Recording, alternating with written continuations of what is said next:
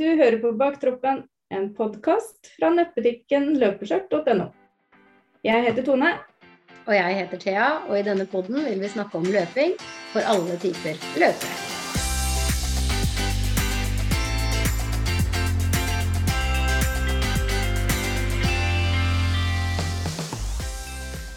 Velkommen til en ny episode av Baktroppen. I dag har vi med oss en ganske, jeg kan vel kalle det en ganske fast lytter. Eh, jo Are Stubmo, velkommen. Takk. Du har liksom funnet fram til Baktroppen-podkasten. Du har blitt fan, for å si det rett ut. Ja, Ifølge Spotify så er vel topp 1 prosenten som hører på dere, så det Men jeg tror de jukser, for at jeg har jo Spotify på klokka mi. Jeg skjønner ikke hvordan når skjønner Spotify at jeg hører på ting som har offline. Det er sikkert noe triks, da. Men eh, Ja, det er sikkert noe greier. Jeg hører på dere når jeg går tur. Jeg er topp 6 bare, jeg er i vår egen podkast. Jeg hadde Jan Einar og Nei, jeg sier alltid Jan Einar og Thomas. Jan Thomas og Einar blir venner. De og det er på topp. ja. Ikke vår egen, liksom. Nei. Nei, men Jo Are, fortell litt om deg sjæl. Hvem er du? eh, Jeg er en sånn trønder, da. Som har for forvillelsene på Østlandet. 52 år. Eh, Bor og jobber i Øvre Eiker kommune. Eh, Jeg har en guttunge på 16. Som er sånn, jeg kan si at han er 50 av, men han er 100% min, da. Men han er jo som er 50 av tida. Mm. Og så har jeg en eh, bikkje som jeg har henta på sånn omplasseringsbikkje som jeg har hatt i et par år. Jeg er fem år gammel akkurat nå. Mm. Ja. Eh, ja. Du har jo på en måte vist deg fram litt på Instagram, du som alle oss andre. Og så tenker jeg at du har jo hatt en ganske livsendring siste åra. ja, jeg har jo for så vidt det. Jeg har vært var aktiv, ganske aktiv idrettsutøver fram til jeg var 37. Hva drev du med da? Jeg har spilt volleyball og fotball stort sett. Jeg har vel sånn 400 seniorkamper i volleyball og så har jeg, i seriesystemet, og så har jeg sikkert eh, rundt det samme i fotball. Å ja. Så har jeg vært volleyballdommer på førstedivisjonsnivå. Og så har jeg vært Mm. trener for masse volleyballag og litt sånn forskjellig. ja. Mm. Så jeg har, har jo har rørt meg. Men så, fra jeg var 37 til 50, så har jeg egentlig sittet i sofaen og spist ostepop og syntes synd på meg sjøl. Men hvordan skjer det egentlig? Fordi at når man er såpass aktiv da, i så mange år, til å brått Altså, vi pleier jo å snakke om andre veien, at man går fra sofagris til aktiv, men du har da gått fra aktiv til sofagris. Er ikke på en måte aktiviteten allerede lagt inn i systemet ditt? Jo, men eh, jeg fikk eh, I rundt 2000 en eller annen gang, så fikk jeg plutselig fikk jeg et sår inni handa. Så skjønte jeg ikke jeg hadde ramla på en sånn grusbanekamp og så fått et skrubbsår inni handa. Det grodde liksom ikke. Det spredde seg. Å, Fikk jeg, og det, det var litt sånn Sår sprer seg som regel ikke. Og så fikk jeg det på den andre handa også, som ikke var skada. Da. Oh, her er noe rart. Så tenkte jeg sopp eller et eller annet. Mm. Og så dro jeg til legen, og så fikk jeg noe sånn kortisonsalve, og så smørte og smørte, og det ble bare verre og verre. Så fikk jeg det under beina. Og så viste det seg det var noe som heter palmoplatar psoriasis. Ok. eh, Og det er 100% invalidiserende. Oh. Oi. Det er sånn du står på morgenen og går eh, på badet, så er det blodspor i gangen. Neimen, i alle Um, men så det er jo Men jeg tok jo bare smørte, jeg da. Og så pakka inn beina i gladpakk, og så dro på sokkene, så dro på jobben, og så trente og spilte som vanlig. Sånn har det Mhm. på mange år. Uh, så, men så ble det jo dette ble jo verre og verre. Sånn at eh, det ble jo ganske vondt. Mm. Uh, og så sliter jeg sliter litt med noen knær og litt sånn forskjellig. mm. Uh, Men så, i, når jeg var 37, så var jeg på fotballkamp på Holeværingen. Eller Vik, da. Hole. Eh, Da spilte jeg 20 minutter, og så husker ikke jeg noe mer før sånn Jeg våkna til meg sjøl i sykehuseng på Ringerike sykehus på intensiven der klokka halv elleve på kvelden. I alle dager. Okay. Jeg hadde fått en uh, smell i huet, og så lå hjem på Jeg hadde løpt inn på banen igjen og skulle spille videre, men det husker ikke jeg nå. Jeg husker jeg fikk på en eller annen bøyle med en ledning på på fingeren, og det var en halvtime etterpå. Da satt jeg på, i sykebilen. Okay. Satt han på med en sånn pulsmåler.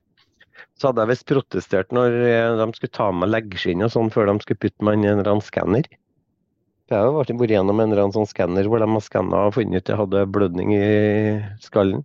Og hadde du det? Ja, så jeg var bevisstløs, våkna, våkna opp, visste ikke hva het, visste ikke hvor jeg bodde, visste ikke visste ingenting. Men, Eh, Så, men sånn utover natta så fikk jeg jo kom, huska navnet mitt, da, i hvert fall. Så de fikk slått opp, uh, slått opp hvem jeg var, for de hadde jo ikke fått noe personale eller noen ting på sykebilen. Så mens jeg kom hjem og fikk uh, henta bilen min og nøkler og sånn noen dager etterpå, hadde de bora et lite høl bak i nakken og drenerte ut noe sånn blødningsgreier i å, skallen. fy fader, så skummelt. Og da fikk jeg ikke lov å spille fotball på en stund. Så da hadde jeg seks måneders pause, og så tenkte jeg ja, jeg vil begynne på igjen. Mm. Og så fikk jeg en ball i huet, og så var jeg bevisstløs ti Nei. minutter. Nei, guri. Og så tok jeg tok jeg litt med ro, så jeg drev, og drev og prøvde å komme tilbake og trene litt, og spilte litt kamper. Og så hver gang jeg fikk en ball i huet, så lå jeg jo flat, eller så husker jeg ingenting en halvtime. Nei, Jeg spilte, spilt, jeg fotballkamp jeg, hvor jeg uh, kom til meg sjøl i pausen og sa nei, jeg kan ikke spille. Jeg husker ingenting av kampen, eh, men da har jeg vært i en hodeduell helt tidlig i kampen, og så har jeg spilt en hel omgang uten å vite noen ting som helst. Men i alle Så- dager. Men, og så tok jeg ja, et par år pause, og så hadde jeg en fetter på Tranby som lurte på om kan ikke du bli med og spille litt med oss, vi mangler spillere. Så broren min og meg, vi, vi er med på det laget på et, noe sånn Ranby 2 eller Lier 2 eller et eller annet sånt. Og så ble jeg med der, så var jeg med på treninga, gikk fint, og så spilte vi Switzerland Salk seks kamper. Og så hadde jeg en sånn duell med en eh, motstander der, så han, eh, han klarte jo da å skalle meg ned da, etter en corner. Eh, Da knakk jeg nesebeinet, og så fikk, knust, eller fikk jeg brudd i den buen over øyet. Dro Han på gjorde skalle deg ned? Ja, ja. Eh, Han sparka meg ned først, og så, uten at dommeren så det. Og så kom dommeren og mente at vi skulle ta hverandre i hånda, og så sa jeg noe sånt om at eh, nei, jeg tar ikke drittsekk i hånda, sa jeg. Og så gikk det et par minutter, og så ble jeg corner, og så var jeg ute og hedda, så jeg vant den, tok den corneren på huet. Der landa, så kom han inn og bare klinka meg ned. Og det så dommeren. Nei, ja, men da han fikk bare gult kort, da, for fot- på fotballbanen så er det noe sånt lov. Herregud. Eh, Men da kjørte jeg jo bil hjem, og så på tur hjem og kom til Hoggsund, så fikk jeg vondt i huet. Så stakk han om legevakta, og så sa hun at du får sette deg på venterommet og vente, for han legen er opptatt med en annen pasient. Så når hun kom og skulle hente meg, så lå jeg bevisstløs på mm, legevaktskontoret. Det er svart. Så etter det så slutta jeg å spille fotball. Ja, det var Ja, det kanskje ikke så dumt. Og etter det så har jeg, jeg slitt med tinnitus, konsentrasjonsvansker, masse sånn eh, Mm. hodesmell. Er ikke, er ikke noe smart, visstnok. Nei. Så alt det her kommer av den første smellen? Ja, kom, det er jo kombinasjonen av Du tåler jo ikke mange sånne smeller, i hvert fall. Ja. Nei. For hver smell så blir det jo lettere å få en ny smell. Mm. Så nei, altså, da ble fotballkarrieren lagt på is. Den der psoriasisen gjorde jo at det var ganske ubehagelig å både løpe og gå og alt mulig. Så har jeg satt uh, for, for noen sånne pillekurer da innimellom hvis jeg får eh, ut, utbrudd. Og det har jeg liksom plassert i sommerferie sånt for å ikke påvirke jobben. Mm. Så det er sånn cellereduserende eh, For det psoriasisen gjør jo at uh, hudcellene deler seg mye oftere enn normalt, så at du får Mm. for mange hudceller, så får du sånn tjukk hud. Mm. Da satt jeg med skalpell og skar bort av huden og reiv av, og så smurte jeg med salve og bare pakka den og levde som vanlig. Herregud. Prøvde i hvert fall. Så eh, smerteterskelen har i hvert fall flytta. Ja, det kan du si. Ja, det vil jeg tro. Men klart, når du da slutter og ikke har noe lag å spille på, ikke noe, så jeg har alltid trent sammen med noen. Alltid Mm. trent på lag, alltid har vært på sånn fellestreninger. Hele Og når du ikke har det, så blir du sittende i sofaen da. Så satt og spilte dataspill og spiste ostepop og sjokolade og drakk brus isteden. Mm. Ja, ja, ja, ja. Så på et eller annet tidspunkt så sa jo badevekta at jeg ikke hadde lov å stå på den, for det var bare tillatt med én om gangen.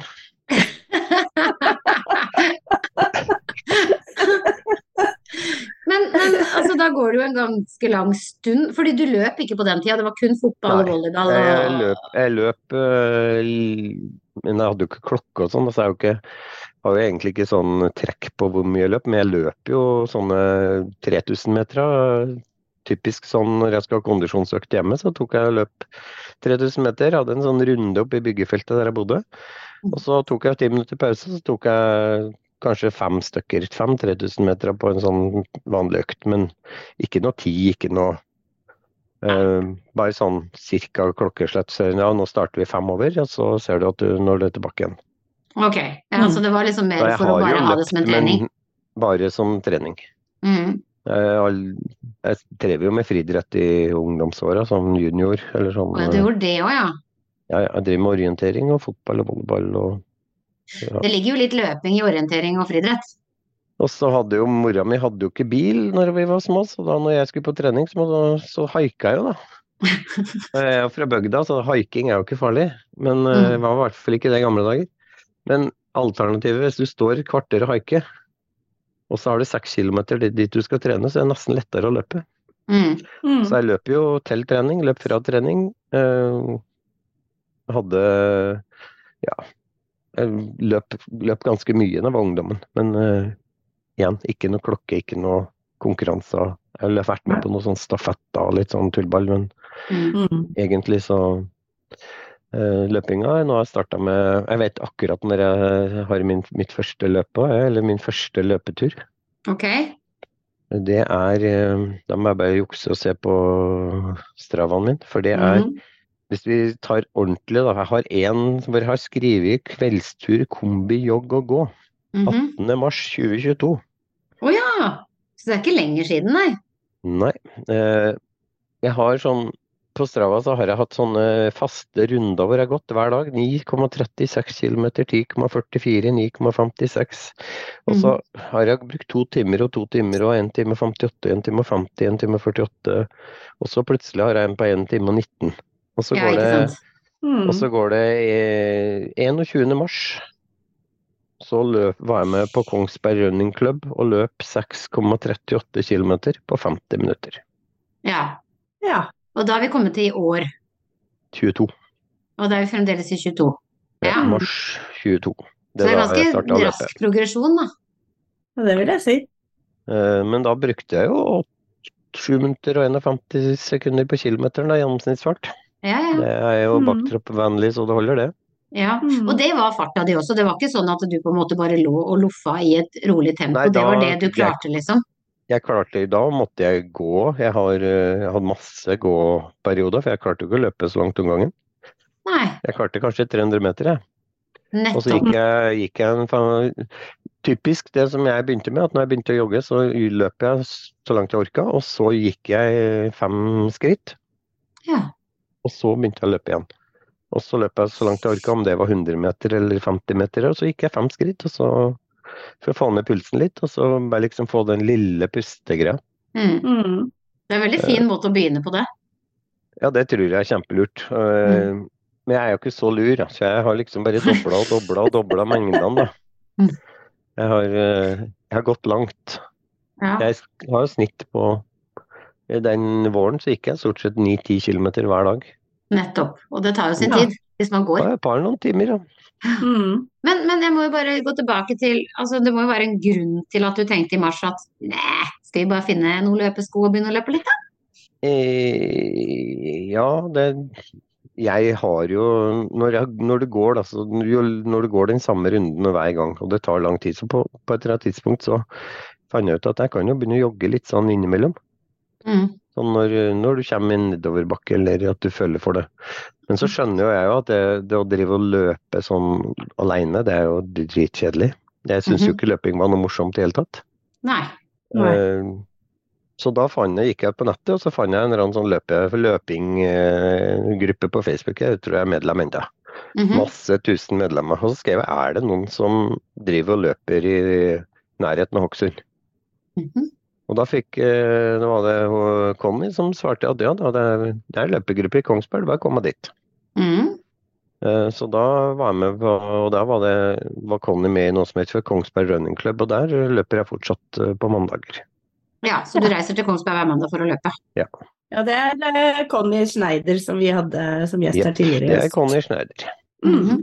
Men den Kongsberg Running Club-folkene er jo ikke akkurat baktroppsvennlig. Det er noen der som eh, innimellom som løper baktroppsvennlig, men eh, stort sett når jeg, de som var der når jeg begynte, de hadde sånn 18 km løpeturer i 4 4.30, 4 blank fart, og da Mm. var det sånn jugetur.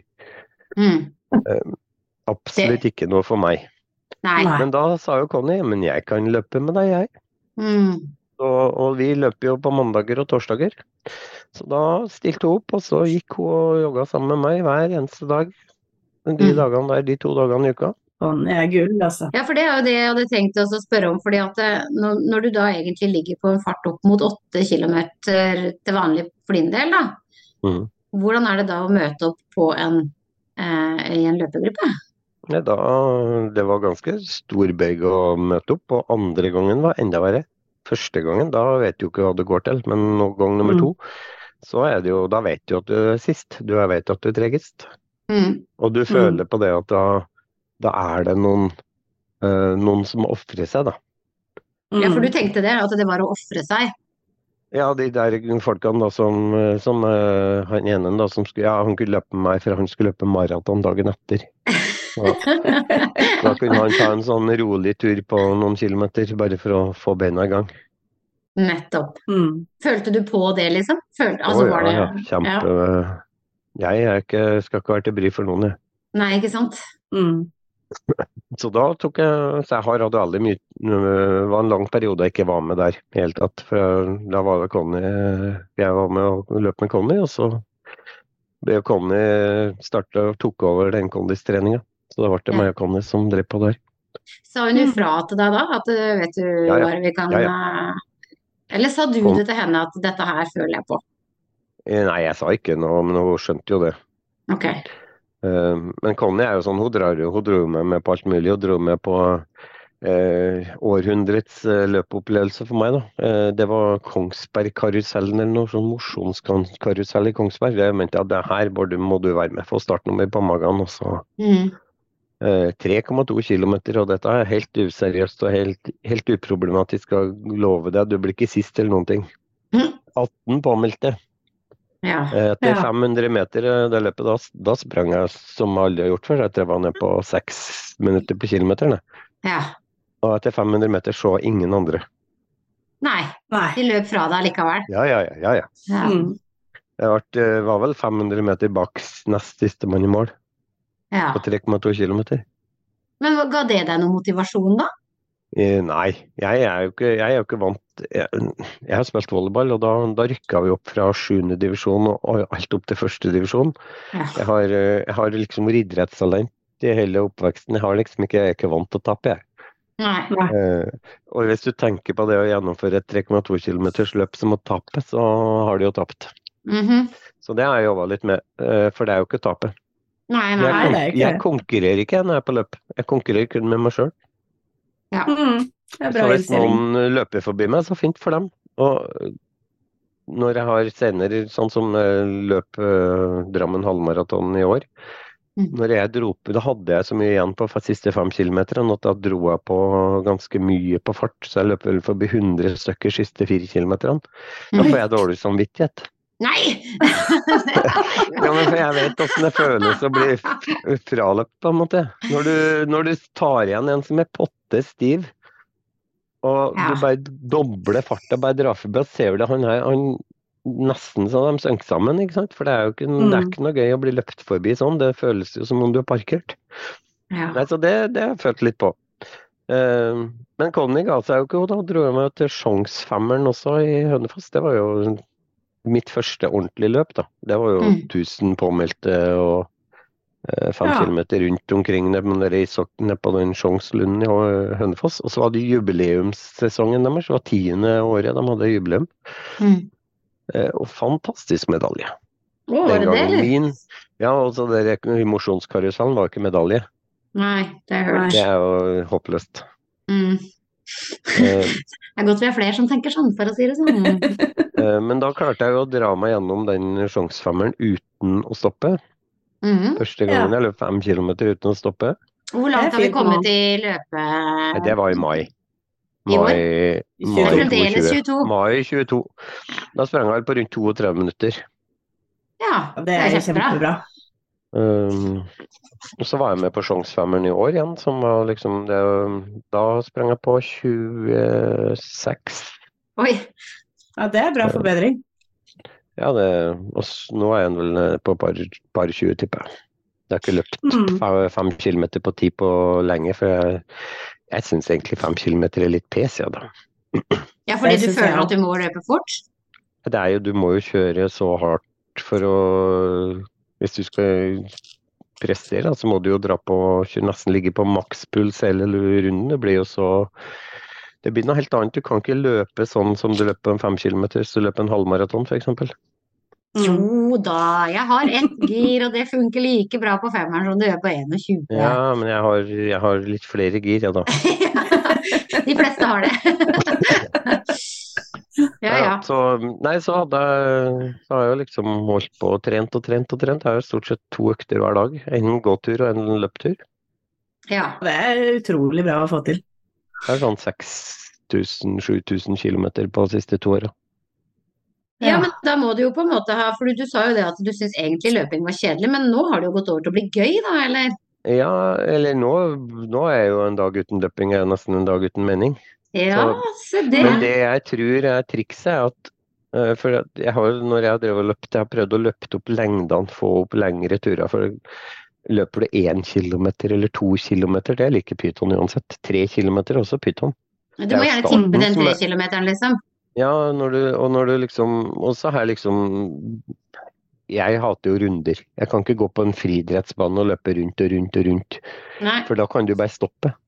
Mm. Jeg, kan ikke, jeg reiser jo ikke på Eikekvikk på Hokksund her og så tenker jeg nå skal jeg løpe 20 runder. For da kommer jeg vet at da etter ti runder så begynner huet mitt å si uff, nå er jeg sliten, nå gidder jeg ikke. Det er, jo, det er jo ingen som bryr seg om jeg løper 10 eller 12 eller 15 eller 20 runder. Nei. Mm.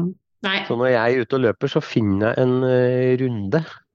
Og så Mm. løper jeg sånn Perfekt eh, eksempel er jo når jeg løper eh, nå, så tar jeg løper ned på Lerberg, og så løper jeg langs eh, mot Hokksund, eller mot Mjøndalen, mener jeg, eller Krokstadelva. Og så krysser jeg elva. For det er jo nødt, jeg er jo nødt til å komme meg tilbake igjen. Ja, ja. Hvis jeg da skal gå, så, så tar jo det bare lengre tid. Men jeg, da jeg må uansett den samme veien tilbake. Så Ja. og det drev jeg taktisk og gjorde når jeg drev og løp. Så hvis jeg fant ut i dag skal jeg løpe 7 km, så får- løper jeg 3,5 km i den ene retningen. For da Mm. må du hjem igjen uansett. Ja, det gjør jeg òg. For da har jeg ikke noe valg. Nei. Jeg gjør det samme, men den eneste feilen jeg gjør, er at jeg teller Når jeg da har løpt én, så teller jeg to. For jeg vet at da må jeg tilbake. Men jeg har ikke løpt den Mm. toeren ennå. Sant? sånn Så hvis jeg da har løpt fire kilometer, så teller jeg åtte i hodet mitt, for da må jeg jo tilbake. Det er egentlig men- dust. Ja. Og så brukte jeg veldig mye fokus på Jeg har jo da selvfølgelig eh, en ganske bra treningsklokke. Det hadde jeg jo ikke i starten. Jeg hadde en sånn Apple Watch-greier. Mm. Så når jeg løp Sjongsfemmeren den gangen, da sa klokka mi at jeg hadde løpt fire kilometer. Oi. Ja. Og den var jo kontrollmålt distanse på fem kilometer. Så Mm. da gikk den klokka i søpla, og så kjøpte jeg meg Garmin-klokke. Ja.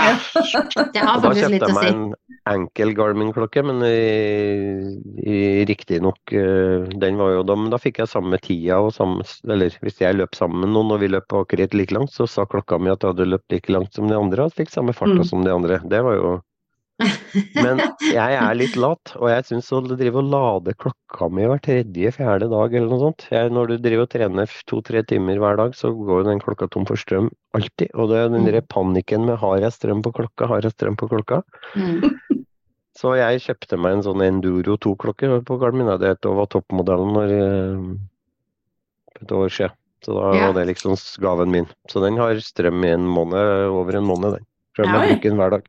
Og det er ikke dumt, faktisk. Solcellelading og Er det det? Ja, ja, den, eh, og touchskjerm og Garmin installert. Jeg har Garmin, eh, er Garmin, jeg har Spotify, jeg har eh, Jeg kan styre telekamera på telefonen min med klokka og masse rart. Det skulle jeg hatt, sånn som kan styre kamera på klokka. Det er fett, faktisk. Jeg har Spotify Ja. på klokka, skjønner det ikke. Men, eh, men hva skjedde progresjonsmessig etter, for da løp det jo fem, men du fort, altså det, er, det er Conny som presser deg litt, skjønner jeg nå? Conny dro meg med på løp. Uh, Mm. Og så meldte jeg meg på et løp sjøl helt på egen hånd. Jeg fant det skal jeg, og da dro jeg på, dro på ti kilometer, da. Hvor var det, da? Ja, det er ikke snø. Nei. uh, stilte opp på 10 km. Første, min første 10 kilometer ever. Mm. Med startnummer på brøstet. Løp eh, på pers. Det jeg ikke hadde løpt 10 kilometer før. Løp på 58 minutter. Mm. Men det var ikke noe mål når jeg kom i mål. Det var ikke noe mål når du kom i mål. Nei da, de hadde rydda sammen og dratt hjem, dem. De hadde rydda sammen på 58 58 minutter. minutter. Ja, nest dårligste løp på litt over 40. Nei, men i alle dager. Da tok jeg åtte måneders pause fra å være med på løp. Nei, fordi du på en måte blei så demotivert av det Ja, at og for i all verden skal du betale for uh, å være med på et løp når du ikke engang øh, får til slutt tid. Uh, Mm. Det er meningsløst. Og så på 58 Kan jeg spørre om det var mange med på dette løpet, da? Ja, 40 stykker, 40 Ja. stykker cirka. Men det var med tidtaking? Ja. Med tidtaking, ja. Med ja, for da sånn burde du ha oversikt over uh, at ikke alle var kommet til mål. Ja, ja. Hva sa de til sitt forsvar etterpå? Du må jo ha på en måte Jeg la seg helt flat og beklaga, og jeg fikk sletta den der did not finish-greia som sto på meg òg, for jeg finisha jo. Ja. Det sto did not finish i tillegg. Ja, ja, for jeg var jo Jeg løp jo over skippen ved start, ikke sant? Å ja. Men bare sikkerhetsmessig, så det å pakke sammen og dra mens det fortsetter folk ut i Men jeg tror ikke det skjer igjen hos den arrangøren, da. Nei, det gjør det nok ikke. Så man, de lærer nok. Mm. Men, Men hva eh, tenkte du da? Hva, altså, hva, hva, altså, greit at Nei, da, blir litt forbanna, da liksom. gikk jeg på en skikkelig løpssmell, for å si det sånn. Da, det blir fortsatt grinete når jeg tenker på det fortsatt. Det er fortsatt så preger det meg når jeg eh, og jeg- Men jeg fortsetter jo å løpe, men da gadd jeg ikke å melde meg på løp. Er det sånn at du blir litt redd for at det nå at du må være kjapp nok, ellers så kan du være pakka sammen? Eh, Jepp. Jeg velger jo ikke løp eh, Jeg sjekker løp eh, tidligere resultater på de løpene, eller sjekke Mm. Mm. når jeg melder meg på løp. Så Mm. uh, Så jeg var- Nå husker jeg ikke om Conny dromma meg på noe sånn norgesløpet på SM den høsten. Men hvis det ikke var det, så var faktisk det nisseløpet i Drammen sentrum det første løpet jeg løp etterpå. Og dette var i mai. Nettopp, ikke sant. Så det gikk helt Mm. fram til desember. Og så mm, neste offisielle Det var jo ikke Det var jo medalje, men det var jo ikke et offisiell tidtaking. Ikke noe. Det er jo bare et sånn gratis morsomt løp. Mm. Med som heter Lise Lotte og I- Eg, Egedal, eller hva? Ja. Lise Lotte og ei som heter Ine, som hadde lagd nisseløp. Mm. Så du får Ja. medalje, og du løper i mil i i nisseklær, og så Er det i Er år også? Ja, ja. Eh, 18. Det, tror jeg 18. desember. Ja. Skal du Mm. delta? Ja, ja, ja. Det Ja. er jo kult. Det er gøy, da. Ja, det var kjempegøy. Men hvordan føltes det å reise tilbake og begynne å skulle være med på et løp da igjen, når du på en måte hadde gått så i kjelleren etter det løpet, da? Var det Eh, En det baug? neste løpet da var jo Sjongsfemmeren. Da venta jeg til Sjongsfemmeren året etterpå, for der hadde jeg vært før. Mm. Uh, det var jo kjempepositivt. Men da, var jeg, da ble jeg ikke sist. Jeg tror jeg ble, hadde 50 50-60 stykker bak meg. Ja. Men fortsatt, da. Men, da, men jeg syns jo det er, det er litt rart, da. For jeg ser jo en del av de Jeg jobber med på sånne amerikanske løpegrupper, eller sånne utenlandske løpegrupper òg. Der vi nordmenn, vi, det er utrolig mye fart i det der norske feltet, mm -hmm. synes jeg. Det er, jeg syns jo det er rart da på en fem kilometer, når jeg da løper på 26 minutter, at det da skal være 50 stykker bare som er bak meg. Mm. Mm. Ja, vi, det Og er, det var vi har 1000 ikke stykker, Vi har det helt fått opp det i Det er Norge. At, åtte- eh, 800 og noen, eh, jeg husker ikke 800 og Jeg tror jeg var ble nummer 847 eller noe sånt. Nettopp, ikke Og sant? 900 eller Mm. Og jeg er 26 minutter på 5 km er jo ikke sakte, men det er jo ikke fort heller. Men, Jo, men det er, mer, det er bedre enn midt på treet. så, men jeg har jo drevet og trent, jeg har fortsatt jo å løpe, men jeg har bare meldt meg ikke på noen ting. Jeg bare løper for meg sjøl. Mm. Og jeg har løpt veldig mye aleine. Mm. mm. Men hva er det lengste, du har, lengste løpet du har vært med på? Eh, Det er Isabels maraton, som var maratondebuten min. Men der er det rundt og rundt. Der var det rundt og rundt, men nå har jeg jo holdt på så lenge at nå Det var jo morsomt. Ja. Det er fortsatt på rundt og rundt. Ja, det var, ja men eh, vi, vi var jo en hel gjeng, og det var jo bare bli, det bare blidfisa som er med på sånn eh, rundt og rundt-maraton. For det har jeg jo funnet ut. Ja, men jeg har funnet ut det at eh, maraton, der har jeg ingen tidspress. Ingen, det, er, det er bare en kamp mot seg sjøl. Det er bare å Mm. Når du først har begynt å labbe av gårde Jeg hadde ikke løpt maraton før. Det lengste jeg hadde løpt er før jeg løp maraton. Jeg hadde løpt en sånn 28 km runde hvor jeg fikk krampeproblemer etter 21 km, så det lengste jeg har løpt var 28 km. Ja. Og det var en mislykka 28 km, for da funka det greit 21 km. Men eh, Mm. jeg løper, drar jo på tur uten å ha med meg verken drikke eller noe å spise eller noen ting. Så jeg Ja. går jo tom for eh, næring, og så får du krampe, og så blir det bare ubehagelig. Mm.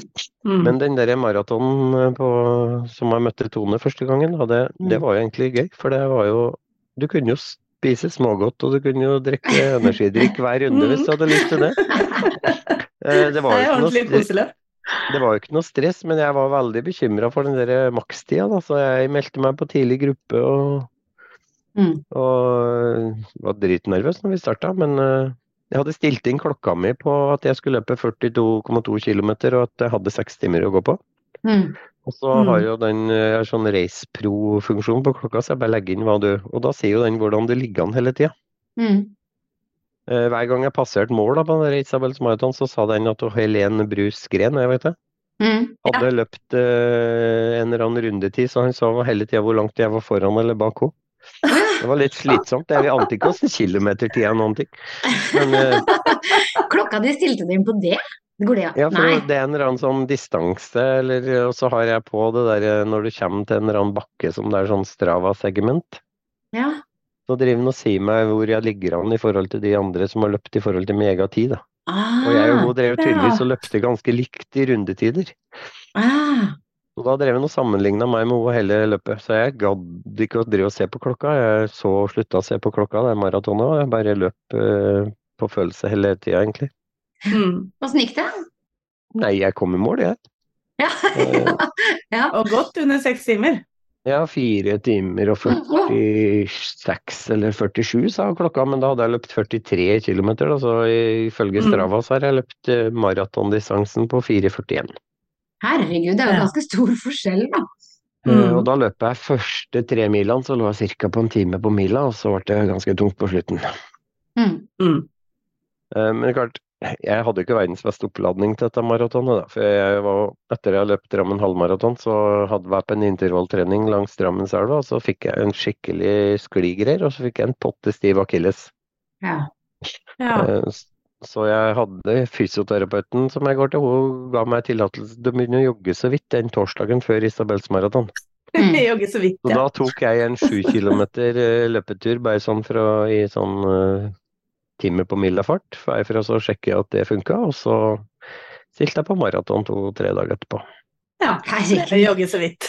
Ja, det er Og jeg ser jo det på klokka mi, da, for jeg har sånn brystbelte, sånn Garmin, sånn sensor som jeg tar på rundt midja, og den må si noe om balanse, hvor mye vekt du har på hver fot når du løper. mm. Og jeg har ligget på sånn akkurat 50% eller 49,9, 50,1 balanseforskjell, men den maratonen så hadde jeg 55 av vekta på det beinet som ikke hadde akillesproblemer. Ja, Mm. nettopp. Da fikk jeg knep, vondt i kneet på det beinet etter hvert. Altså, det var det som var problemet mitt på slutten av den Isabels maraton. Jeg hadde dritvondt i det ene kneet og en vond akilles i den andre. Så Mm. Ble du sliten med det etterpå? Nei, jeg har fortsatt litt kjenner akillesen innimellom, men, eh, og kneet kjenner jeg sånn av og til. Men det vondter må vi jo ha. Ja, må, må. Men driver du med noe styrketrening i tillegg nå? Ja, nå siste 10-12 ukene så har jeg drevet med to-tre styrketreningsøkter i uka. Mm. Og I tillegg da til å være ute i mange timer hver dag? Ja, jeg er med på et sånn uh... Egentlig når jeg starta med dette her, da, så starta det med at jeg så på noe som heter 16 ukers helvete på TV. Mm. Ja. Mm. Martin Jonsrud Sundby og Anette Ramm. Dette får øh, slankere kjendiser. ja. Mm. Og da var det Håvard Lilleøye og Jørn Hoel og Christer Falk og noen sånne som var den sesongen. Det var januar, eh, januar-februar i eh, 22 de eh, holdt på med dette her på TV. Mm. Så tenkte jeg ok, kan eh, Håvard Lilleøye og, og Jørn Hoel slanke seg, så kan jaggu meg jeg òg. Mm. Ja, for du hadde Så- ikke begynt den uh, livsstilsendringa di før det? Nei, det var da jeg starta. Ja. Uh, kutta ut all brus, kutta ut all sjokolade. Uh, spiste ikke supersunt, men jeg spiste ikke altfor mye i hvert fall. Mm. Uh, og så har jeg og fulgt med på dette her eh, 16 ukers helvete greia, og har egentlig visst om dem hele tida. Han Martin Jonser Sundbyen han ga seg som toppidrettsutøver, så starta han jo et firma som heter Kickstart. Mm. Som da er dem som driver det der 16 ukers helvete-opplegget. Og der kan du kjøpe deg plass eh, og få personlig personlig eh, trener, treningsopplegg, kostholdsopplegg. eh, Blir fulgt opp ganske, ganske bra. Og det er klart Mm. at når Martin Jonsrud Sundby og han derre Berge, han bryteren, når de Mm. lager treningsopplegget ditt, så kan du jo få kjørt det. Ja, det kan du se, Ja. for du, du valgte å, å kjøpe deg plass på det. Ja, jeg begynte på det nå i høst her. Så har jeg begynt på Jeg er jo tre måneder uti snart. Mm. Legger de opp kostholdet ditt også? Ja, ja. Jeg får Å, ja, de gjør det, ja. Vet da hva jeg skal spise, og får, har treningsplan på hva jeg skal trene. og Det passer jo ikke inn i noe av det løpegreiene mine, da. Men, eh, så jeg har sagt at jeg lager mitt eget, kjører litt mitt eget sånn treningsopplegg, men jeg prøver å få til en del av den styrkebiten. Og spesielt det som går på kne og ankel og, og kjernemuskulatur, egentlig, for, å få, for det hjelper meg også på løpinga. Mm. For jeg trener ikke styrke fordi at jeg syns at det er veldig morsomt. Jeg har jo angst mot treningssenter, egentlig. Jeg, synes det, jeg føler meg så noldus når jeg går inn på et sånt senter og skal skramme opp i et sånn maskin og skal stå der og føle at alle ser på Mm. deg, og du Jeg skulle ta noe sånn knebøy da en gang her på Ifølge dette programmet mitt så skulle jeg ta knebøy. Da la jeg på en sånn 20 kilo sånn vektskive på hver side av stanga, og så er stanga 20 kilo, så det er 60 kilo. Mm. Jeg sto der og dilla og dalla og syntes jeg var drittungt, og så kom det en og så lurte på om jeg var ferdig, da. Så jeg du får ta han, du, så han skulle ta 200 kilo, han da. Ja. Ja. Eh, Men eh, det har jeg på en måte skjønt at eh, han bryr seg ikke om at jeg tar 60 kilo. Han har tatt 60 kilo en gang, han òg. Ja ja. Så, Mm. og jeg løper jo mye fortere enn han, sånn at uh, det er ikke noe sånn, det er ikke konkurranse der heller, men jeg føler det litt sånn Jeg føler meg Mm. noldus på treningssenter, det må jeg si. Mm. Og spesielt når du føler deg overvektig og veit at du på en måte er tjukk. Og jeg, jeg, ikke trives, jeg trivdes jo ikke med meg sjøl i det hele tatt, sånn som jeg var. Nei, nei, og det kan du jo si, fordi du, du starta jo en livsstilsendring på egen hånd først, ved å se på 16 ukers helvete, helvete, er det det du sier? Jepp. Og Ja. så fant jeg ut at nå skal jeg gjøre det samme. Eller jeg der så jo hva de gjorde, og de la jo inn veldig mye going, veldig mye eh, Og så la de inn styrketrening. Det har jo ikke jeg drevet så mye med, det. Akkurat Mm. som jeg tøyer ikke heller. Nei, det er vel også en uh, kjent sak blant løpere. Tøying uh, gidder jeg ikke, altså. Det er vondt. Men uh, hvor mange kilo har du gått ned, om jeg kan spørre? Hvis vi tenker på at jeg også har lagt på meg sikkert en 12-15 kilo muskelmasse, Mm. så har jeg gått ned nå 40 kilo. Fytti grisen, det er bra jobba, da. På hvor lang tid? tid? Var det 22 måneder? 20, 20 måneder. Ja, ikke sant. Helt på egen hånd. Mm. Ja, nå har jeg fått litt hjelp på slutten her, da. Nå har jeg gått ned siste tre månedene har gått ned 80 kilo. Ja, ikke sant. Herregud. Mm. Det er jo dritbra. Det er verdt det, liksom. Å være med på sånne Ja, men det er veldig mye jobb, da. Altså, så det, der, det som er med det kickstart-opplegget, da. Det de sier Mm. at nå skal du late som du er toppidrettsutøver i 16 uker.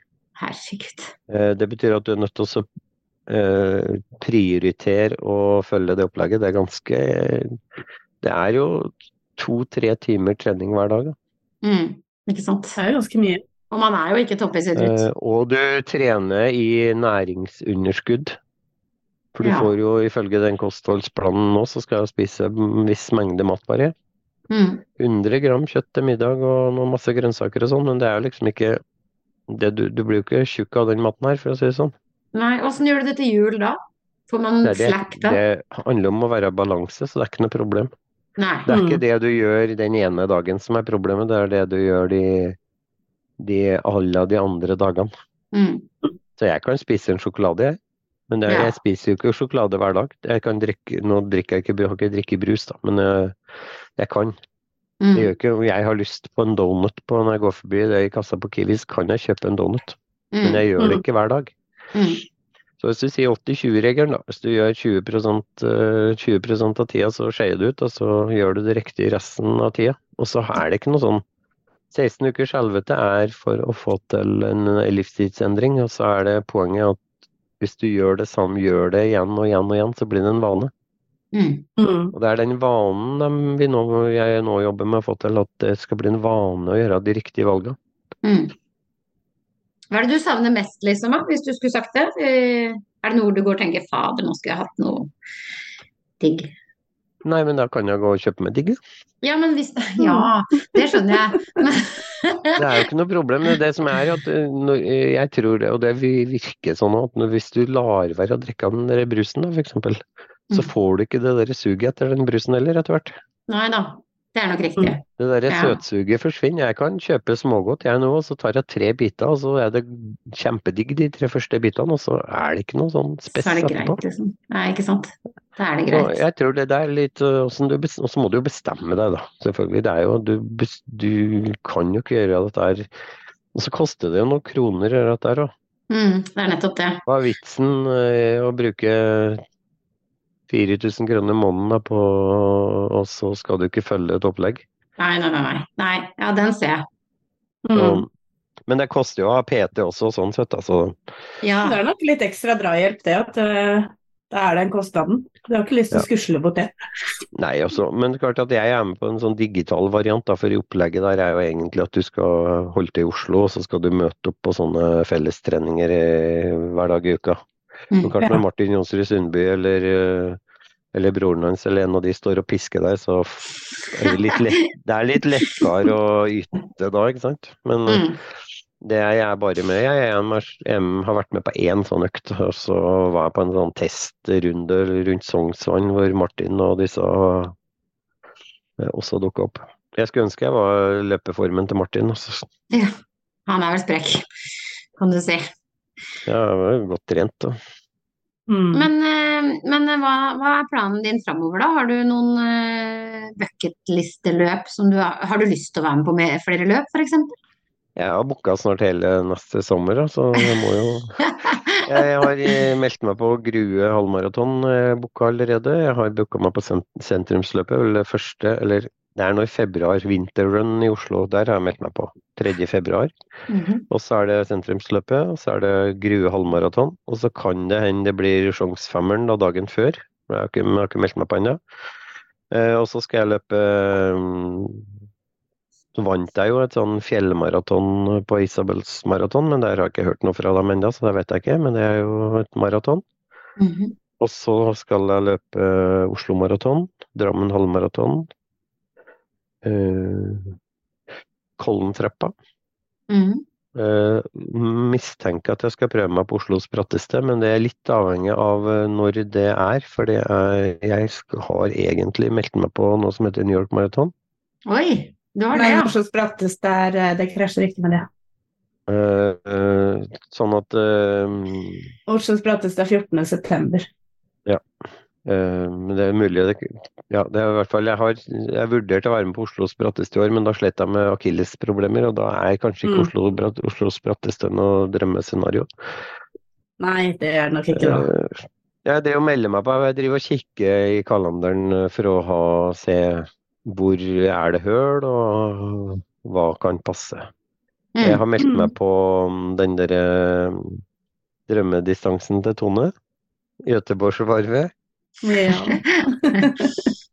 da ses vi kanskje der, da. Ja, du er sikkert langt foran meg, men eh, Ja, det vet jeg jo ikke ennå, da. Men jeg, målet mitt på halvmaraton er jo nå har jeg jo noe ja, Det som er, er sånn delt i to. For at det, nå var jeg med på den der vintermaratonen på Jessheim sist, og da hadde jeg ikke tenkt å løpe på noe tid. Hun Lise Lotte skulle egentlig være fartsholder på 1,55.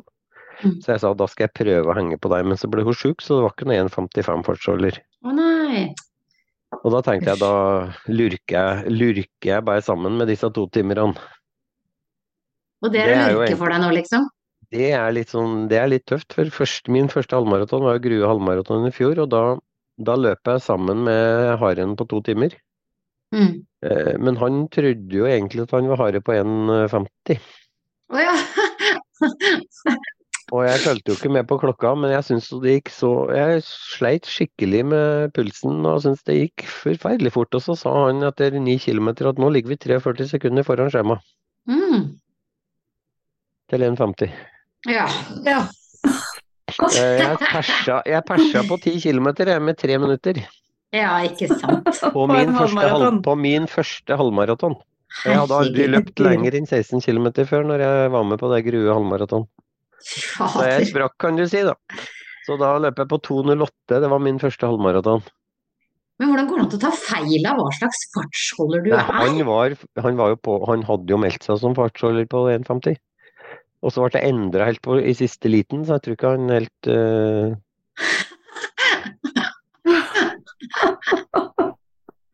Nei da, men det, det var jo morsomt. Men jeg kom i mål på 2.08 Mm. på 50 eller noe sånt, og det var, var egentlig kjempefornøyd, jeg, for jeg hadde jo aldri løpt halv maraton før. Mm. Jeg persa jo, persen min var jo 16 km, så Mm. jeg slo jo persen Mm. min. Eh, og så var jeg med på Drammen halvmaraton eh, i år. Og da Det er kanskje det løpet hvor nærmest at jeg Da hun Birgitte som eh, Birgitte Nyblid Nauskulen som uh, innviet sa det at skal ikke du være med på Drammen halvmaraton, for jeg hadde ikke meldt meg på.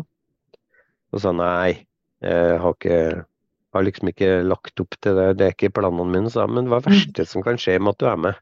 Mm. Eh, Jeg skal svære, jeg, jeg skal løpe der, og jeg kommer til å være i mål der når du kommer. Det verste som skjer, er at du får en medalje og, og du kommer jo i mål. Det er jo ikke noe problem å komme i mål på Drammen halvmaraton. Flat løype, ikke noe bli med. Så jeg meldte meg på, stilte uten, uten noe egentlig ambisjoner eller noen ting som helst. Mm. La meg på en Det er jo to timers haren der òg, så jeg hadde 2.08 som pers. Så var jeg tenkte at to timer må jo Vi prøver på to timer. Og etter 17 km så sa jeg til Harin at du, nå stikker jeg, for nå har jeg så mye igjen. Jeg hadde så mye overskudd på slutten, så jeg løp da på, ned på fem blankfart de siste fem- fire-fem kilometerne. Ja, ikke sant. Ja. Eh, Kom i mål på 1,56 og var egentlig kjempefornøyd. Og da var en Mm. av de siste som fikk medalje, som Oi! kom i mål på Drammen halvmaraton. Ja, ikke sant. Ja, for de da hadde det litt en, medaljetrøbbel. Da var igjen en 50-60 medaljer når jeg kom da i mål. Mm. Mm. Tenk det. Og da under to timer og ja, de gikk Da gikk det på de litt siste tidlig. medaljene. Mm. Og da tidlig oppdaga, men det som var litt morsomt med det halvmaratonet, da oppdaga jeg at jeg kom jo i mål sammen med flere av de der som jeg har trodd å være kjemperaske. Ja. Nå er ikke det Nå er jeg liksom tatt igjen, tatt inn på dem, i hvert fall. Eller om jeg ikke mm eh, Og jeg hadde egentlig en kjempedag. Jeg var, jeg, hadde, jeg, når jeg kom i mål, så tenkte jeg jeg burde ha lagt opp til å løpe mye fortere, for jeg har faktisk jeg har ikke vært sliten, ikke hadde jeg vondt. Eh, Jeg spurta de siste 400 meterne. Jeg jeg var liksom, det var en sånn, sånn dag som du drømmer om at du skal ha når du løper, da, hvor alt bare går helt automatisk. Det er ikke vondt, ikke tungt, ingenting. Jeg hadde en så god Mm. dag at jeg, jeg hadde sikkert kunnet barbert ned flere minutter på den tida da, på den Drammen halvmaraton. ja, ikke sant. ja, så Ja. Du er jo liksom litt der som eh, alle er etter et løp, så er det sånn Jeg kunne kanskje, jeg burde kanskje, hva om, visst om at det. Ja, Men det vet du ikke når du starter, hvordan beina det. funker. Da. Nei, nei. Og det, men vi er jo sånn alle sammen. Det er jo sånn man alltid sitter etter et løp, så er det sånn derre Å, men hva om jeg hadde gjort det sånn? Det er jo dritbra med den tida du fikk der. Mm. Ja, da forbedra jeg meg jo med 10-12 minutter. Ja, ikke sant? Fra, fra mai, 1. mai til Drammen halvmaraton, da, som var i Jeg husker ikke når det, datoen det var. Nei. Og det var jo ditt andre halvmaraton. Yes. Nettopp. Ikke sant? Men du snakka litt om at du kanskje ville på New York. Er det det løpet som er din bucketlisteløp, eller? Nei, jeg har egentlig ikke noen sånne bucketlister, for jeg lik, likte jo egentlig ikke å løpe, ikke sant. Nei. Men, eh, men jeg var i New York på sommerferie for eh, ja, seks-sju år siden. Det var en måned i New York. Eh, For å vase rundt i Central Park. Jeg gikk stort sett eh, Jeg har vært i rundt plasser i New York hvor hun der guiden på det reisebyrået som var, hun sa Her har du gått der. Der kan du jo ikke gå. Det er ikke trygt. Åh, Eh, Jeg har vært i Chinatown og opplevd drive-by-shooting og masse rart, jeg. Så jeg, var, jeg kosa meg, men jeg hadde det veldig fint inne i New York. eh, kosa når jeg var der. Jeg ikke, ikke akkurat med det, da, men jeg har gått over Brooklyn Bridge, og jeg har, jeg har liksom Jeg har vasa for å vasa nedi Jeg har vært på eh, fastlandssida, på Jersey-sida der. Jeg har vært eh, ja, hvor, hvor, hvor Når du har skikkelig god tid, så kan du regge rundt. Jeg har vært i Mm. Central Park der, og, og, New York syns jeg er et fint sted. Så hvis jeg skal, så tenkte jeg der er det i hvert fall fint. Og det er jo et maraton som alle snakker om, så det er jo fint å ha med seg. Men det er ikke noen bucketlist. Nei. Men du har Eh, meldt deg på via Eller har du meldt deg på? Jeg har eh, forhåndspåmeldt meg, eh, det gjorde jeg i sommer til Springtime. Så fort det gikk an å begynne å booke for 2024, så jeg satte meg på liste. Så jeg er vel en av de første som står på den lista, så da, da får jeg jo plass. Ja, ikke sant. Mm. Jo Spennende, det er, jo Så jeg satte meg, jeg husker ikke når det var, i juli en eller annen gang, tror jeg. og sendte meldte dem og fikk noe sånn depositumsgreier som jeg måtte betale inn og sånn. Ja, ikke sant. Ja. Det er jo ikke gratis, da. Så hvis det er noen Nei. som har eh, lyst til å være sånn eh, startnummer og sponsor, så må de bare Ringe, liksom. For løping er jo gratis, har jeg hørt. Ja, de sier det sånn, de det vi hører, men Men det å dra på løp er ikke gratis, det er det ingen som har sagt. Nei. Nei, det koster litt. Det koster litt å være med, men det, det er jo morsomt òg, da. Men man får jo treffe jo så mye blide folk. Ja. Det har jeg funnet ut at det er litt sånn Jeg drev gått en tur del på skauen, og når du går, går ut en regnværsmorgen langt opp på skauen, og så møter du en på en rød utsiktspunkt klokka ni på morgenen på en søndag i plaskeregn, Mm. det er ikke surpomp. Nei, det er ikke surpomp. Um, det samme er de, og det er spesielt i baktroppverden eh, på Mm. løpesida. Det er ikke surpomp, han er ikke der. Det kan Nei. hende de er foran. Fordi at Mm. en eller annen gått over og ødelagt løpet deres, de kom to sekunder senere i mål eller noe. De Mm. kan være litt surpomp, men stort sett så er det bare blide folk som er ute og løper òg, syns jeg. Mm. mm. Det er jeg for så vidt enig i. Det Mm. eh, Og jo lenger eget. bakover i startfeltet du kommer, jo blidere folk. Mm. Det... Men eh, vi, vi spør jo alltid om beste og verste løpsopplevelsen til folk innpå her, men du har vel kanskje egentlig fortalt at den verste er når du når de hadde Ja, tatt ned når det ikke er noe mål når det kommer mål, det er jo litt Ja. natur. Det må jeg Mm. si. mm. Eh, For når alt er borte. ja, ja, det var ikke noen der. Det er det, var, liksom, det var ingen Du visste ikke hvor mål var engang!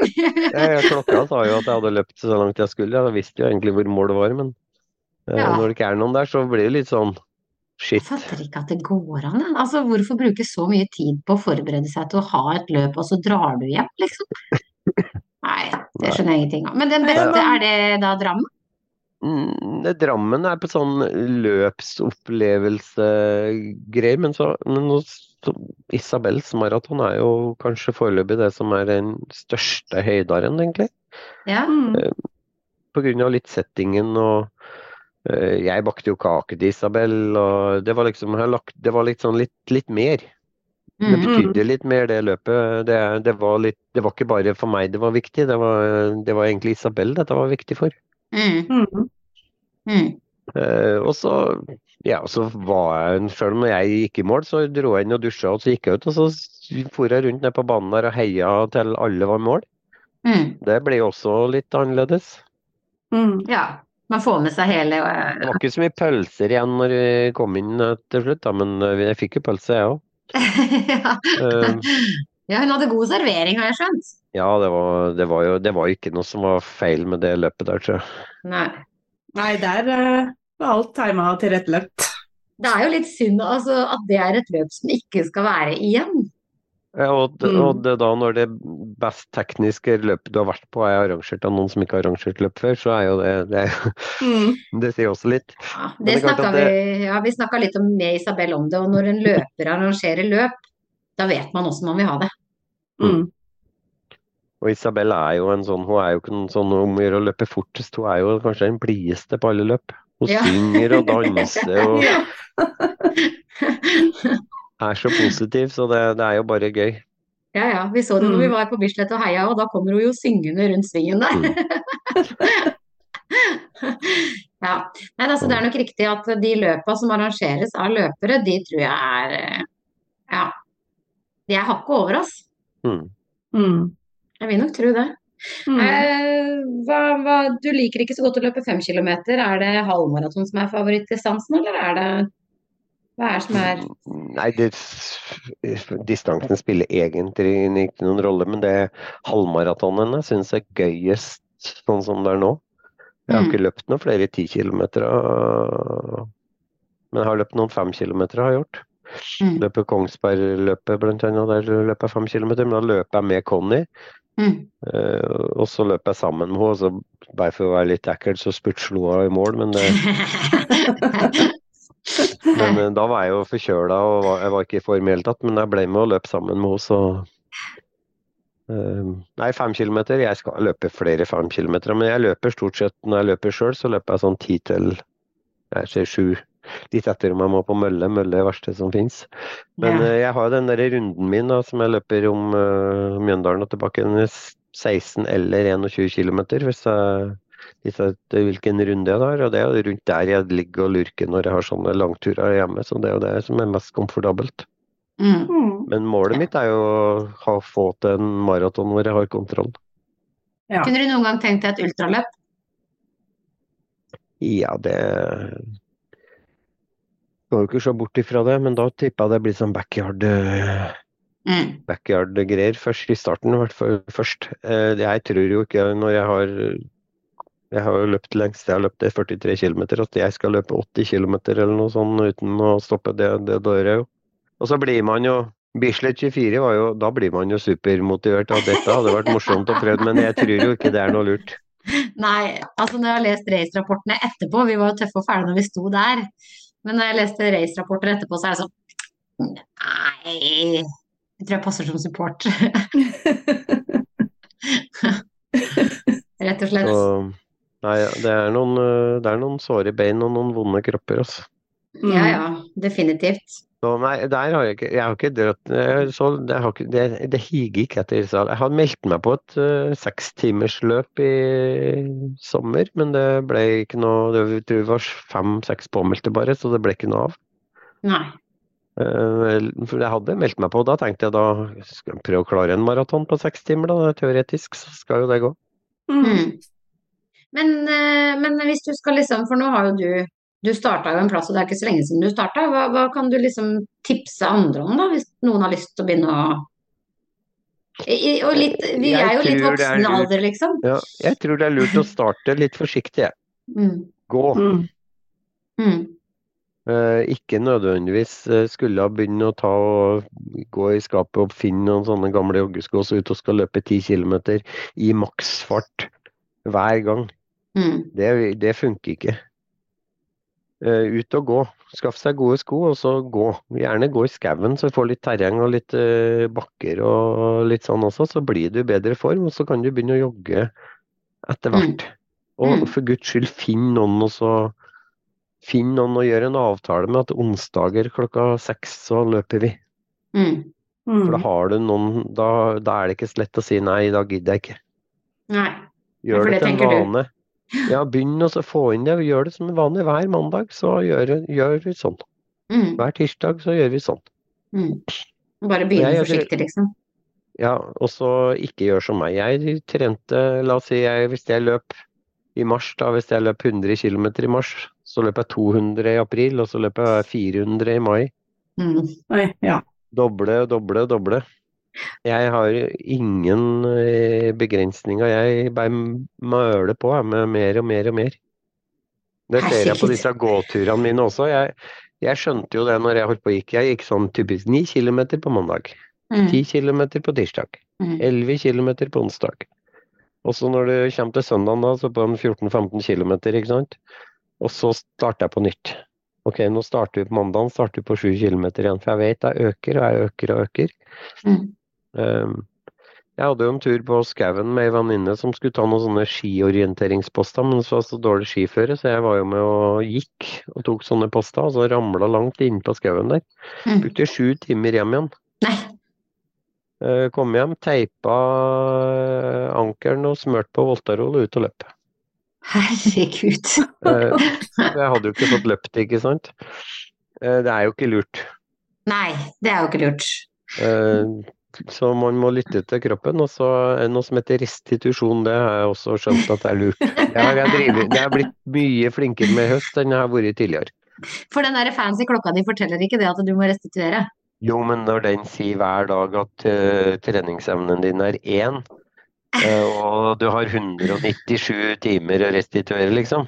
Ja. Eh, Da eh, tror du jo Du skjønner jo at klokka sikkert har rett, men eh, da har jeg funnet ut hvis jeg da starter en sånn gåtur, og så går jeg fem kilometer, så har jeg halvert den restitusjonstida.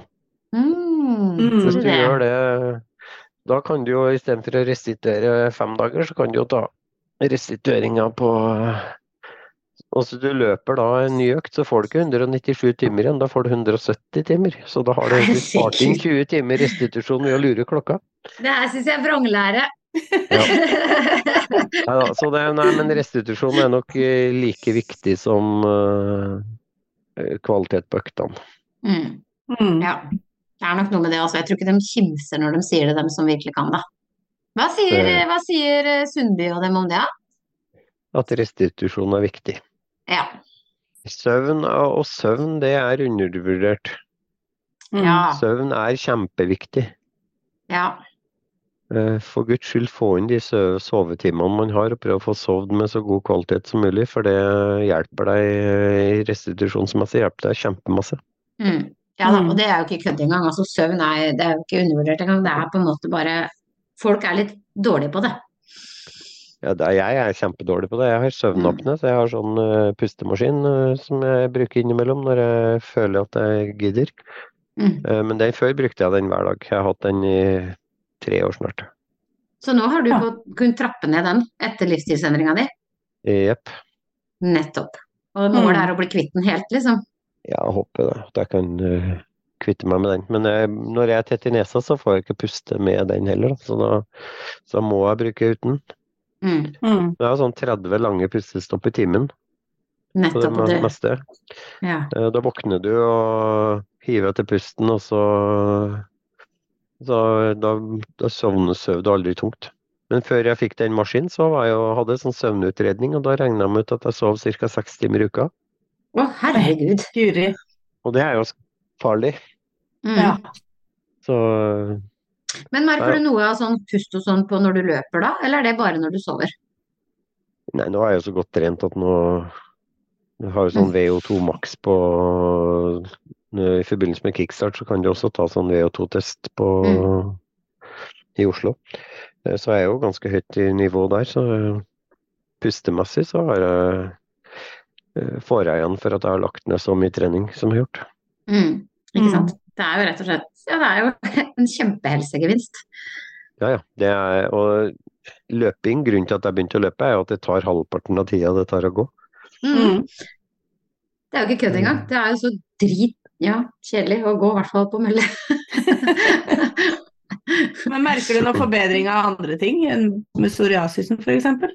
Jeg, jeg, og jeg har, den psoriasisen ble jo borte før jeg begynte å løpe, så hadde jeg ikke kunnet løpt. Ja. Eh, Både psoriasisen og migrena ble borte i 2001. Mm. Ja, Og etter Ja, det har jeg ikke hatt antydning engang. Nei, se det. deilig, da. Så ikke det skulle hindra deg i å løpe. Så det var jo litt av grunnen til at jeg kunne begynne å eh, trene igjen. For til og med å gå var jo problematisk med psoriasisen. Mm. Det, når du har store kjøttsår under beina, så er liksom ikke det å gå eller å løpe er jo ikke akkurat det du drømmer om.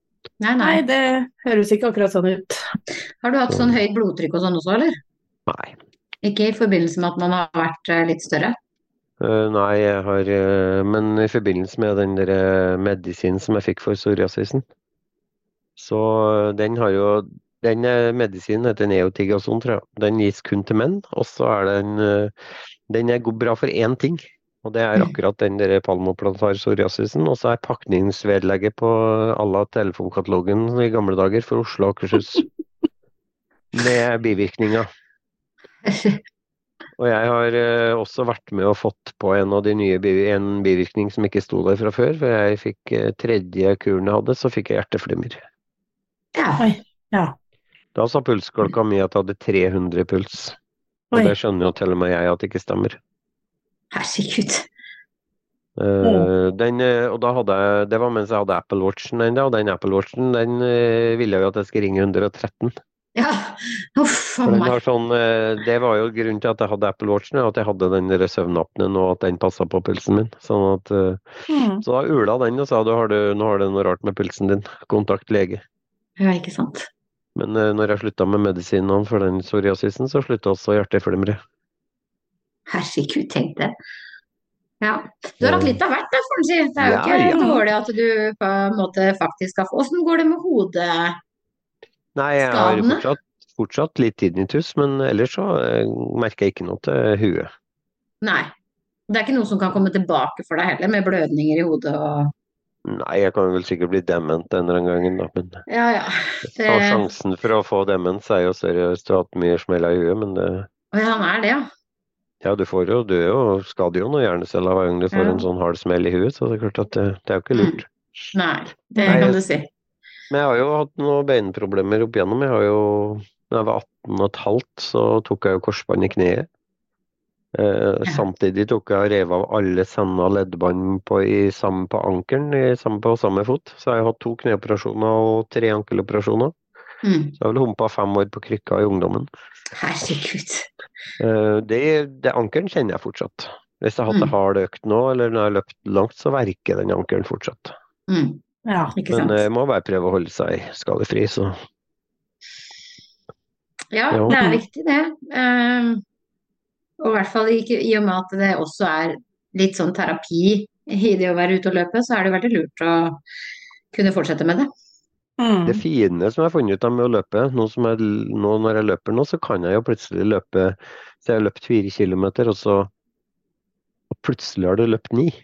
Ja, ikke sant? Mm. du får på den der autopiloten, det er bare kroppen, beina går, og kroppen går, og huet kobler ut, og du, du bare lar eh, kroppen gjøre sitt, og det går helt uten å tenke.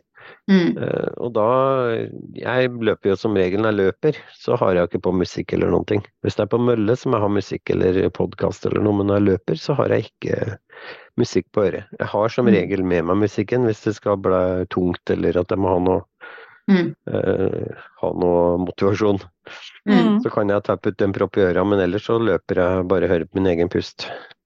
Nettopp, ikke sant. Det fins jo ikke noe verre. Nei. Jeg syns det, ja, men jeg syns det, ja, men jeg syns det er faktisk litt ubehagelig når du får Hvis du ligger og kjører da med litt høy puls Mm. og har de proppene i øra, så kjenner, da begynner jeg å høre dunkinga. Ja. Mm. Eh, og klart hvis du ligger og kjører opp imot makspuls, da, så, blir den dunkinga ganske intens. Så jeg Mm. det syns jeg er ubehagelig faktisk å løpe med propper i ørene hvis jeg skal løpe fort. Mm. Mm. Ikke sant. Har du, noe selv, har du selv noen forbilder som du ser opp til innenfor løping, på en måte? Er det, eller? Jeg, jeg har jo vokst opp med Vebjørn Rodal og disse folkene, men det er ikke sånne forbilder egentlig. Men jeg har ei venninne som jeg er superimponert over, og det er hun Birgitte som uh, vi var heia, jeg også var heia på på Bislett. Mm. Mm. Og jeg, jeg, start, jeg ble kjent med henne i forbindelse med at hun og ei venninne hun drev og isbada. Mm. Og så sa jeg så tøffe dere er, sa jeg det, og ba, ja, men det er bare bli med hvis du tør, sa de. ja. Og siden så har jeg drevet isbada litt med disse. Mm. Uh, og de eh, driver og løper til alle årets tider. Og Birgitte er eh, et råskinn, altså. Mm. Ikke sant. Hun har nå så- drevet og drevet løpt på Eikerkvik stadion for å dra trene der, så Bislett-gærne og løpt Nøsen 100 og skal løpe Soria Moria til verdens ende. Og er jo sånn langløper. Mm. Mm. Trene så strukturert og er veganer, spiser sunt, lever sunt. Er dritsmart. Eh, Mm. Alle sånne verdier. Hun er jo så Ja, hun har, hun er et menneske som er s- virkelig setter høyt. Og så Mm. har hun bare den innstillinga og den, den mentale styrken hennes er helt rå. Mm. Mm. Og sånn som hun løp på Bislett, det er Hun ble vel nummer to totalt, hun løp vel 193 km. Ja, ikke sant. Ikke sant. Det er helt rått. Ja. Nei, Så Det er hun setter, fantastisk. setter høyt, og så er jeg utrolig glad i Conny. Conny, Mentaliteten til Conny er Mm. eh, eh, det smaker til ja-menneske, og hun veit ikke hva nei er. Hun. nei. Det fins noen av du Hvis du spør kan, har du mulighet, og hun har mulighet, så sier hun ja. hun. Ja, Mm. ikke sant. Det var et eller annet bare i hagene, i nabolaget der hun bor, så var det en eller annen orienteringsgreier. Noen som skulle bruke en eller annen lekeplass til en orienteringsgreier. Og så sa Conny ja, men da kan dere få bruke doen min, da. Hvis dere, så, Fantastisk! bare sånn, det, det ingen andre som hadde gjort det. Nei. Nei, hun syntes det var så koselig da, at de drev på med dette, så da kunne hun drive og hjelpe dem og styre på. Nei, Conny er eh, Conny er fin, altså. Ja, Conny er Mm. bra. Kommer, hun Mm. kommer vel til helga, hun òg. Vi skal jo ut og løpe alle mann til Oh lørdag. yes, Vesta, men jeg vet jo hvordan det er om man får lov å løpe, da. Det vet jeg ikke. Nei, det var det jeg så. Eh, Skada, litt skada, men eh, da, Ja. vi må jo ha noen eh, som kan stå kakeansvarlig. Ja. Jeg må først få bakt disse kakene. Jeg tør jo, jeg lurer på om jeg skal lage to kaker, jeg, for hvis ikke du er noe god til å lage kake, så Ja ja, det Jeg sier ikke nei. Utfordringa mi er jo å få disse kakene til Oslo hele, da. Ja. Vi skal jo ta toget, så tog, kake på toget kan jo bli spennende, det. Ja, i rushen. Nei da, det blir gøy. Vi skal ha oppløpet Vi kan jo fortelle litt om det. Det er jo oppløpet på lørdagen. Det løpet som vi Tone var så flink og satte i gang. I regi av løpeskjørt.no. Mm. Ja, som er en fem kilometer som er virtuelt, og som er uh, en gjeng av oss skal møtes på Bislett. Løpe inne der. Ja. Og da er det en medalje. Er det en medalje? Og nå er alle plassene solgt. Er alle plassene solgt nå? Ja. Siste er i dag. Mm. Det Det er er gøy, altså. Det går an å melde seg på uten medalje, da. Det går an. Da er det støtte til Brystkreftforeningen. Men uh, Mm. medaljer er tomt. Den er fin, da. Jeg har den jo her, jeg er sønnen min sin. Ja. Den er veldig fin. det er veldig fin. Det er meg. Mm. Ja, jeg er jo en av Jeg er jo gutt og er med i bakturer. Jeg er jo stadig vekk på løpeskjørt, jeg. Men jeg har ikke kjøpt skjørt ennå, da. Vi forventer å se deg i skjørt på lørdag. Ja, men jeg har ikke skjørt. Nei da. da får slippe. Jeg kan ha vært truende til å løpe i skjørt. Jeg hadde ikke gjort meg noe, men jeg hadde sikkert følt meg litt teit. Ja, du er ikke førstemann som har gjort det på Bislett. Det er flere, Nei. det. Ja, det er sant. Tim har vel løpt i skjørt? Ja, med Birken-skjørt. Ja. Men han kan jo løpe så fort, så han ja. Det er ingen som ser at han har skjørt. Men har vi noe mer, Tone, eller skal vi begynne Ja, å tenke vi har jo det viktigste spørsmålet. Ja. Hva gjør du med medaljene dine? De henger Jeg ser dem herfra. Jeg, når jeg står opp om morgenen og så går jeg ut av soverommet, så henger de på veggen ved sida av eh, døra til soverommet. Ja, Og når jeg går og legger meg om kvelden, så henger de der fortsatt. Hmm. Jeg har, en, jeg har bare to sånne medaljegjengere foreløpig. Den ene står det I cross the line på. Der har jeg sånne fysiske løp som jeg løper. Og så har jeg no pain, no gain på de andre. Og det er sånne kilometersjankinger og sånne hagemannseventer og sånne greier. De henger der. Ja. ja. For du har blitt lurt med på Hagemann sine, du òg? Hagemann Einar er en kjempefyr. Ja, herregud. Eh, Men det er litt synd nå at det er så mange løp, så det er litt vanskelig, virker som det er vanskelig å få med mange, og da blir det tungt å drive og arrangere. Altså, hvis du skal arrangere for 20 stykker, ja. så er det, det er litt arbeid òg med å lage disse Mm.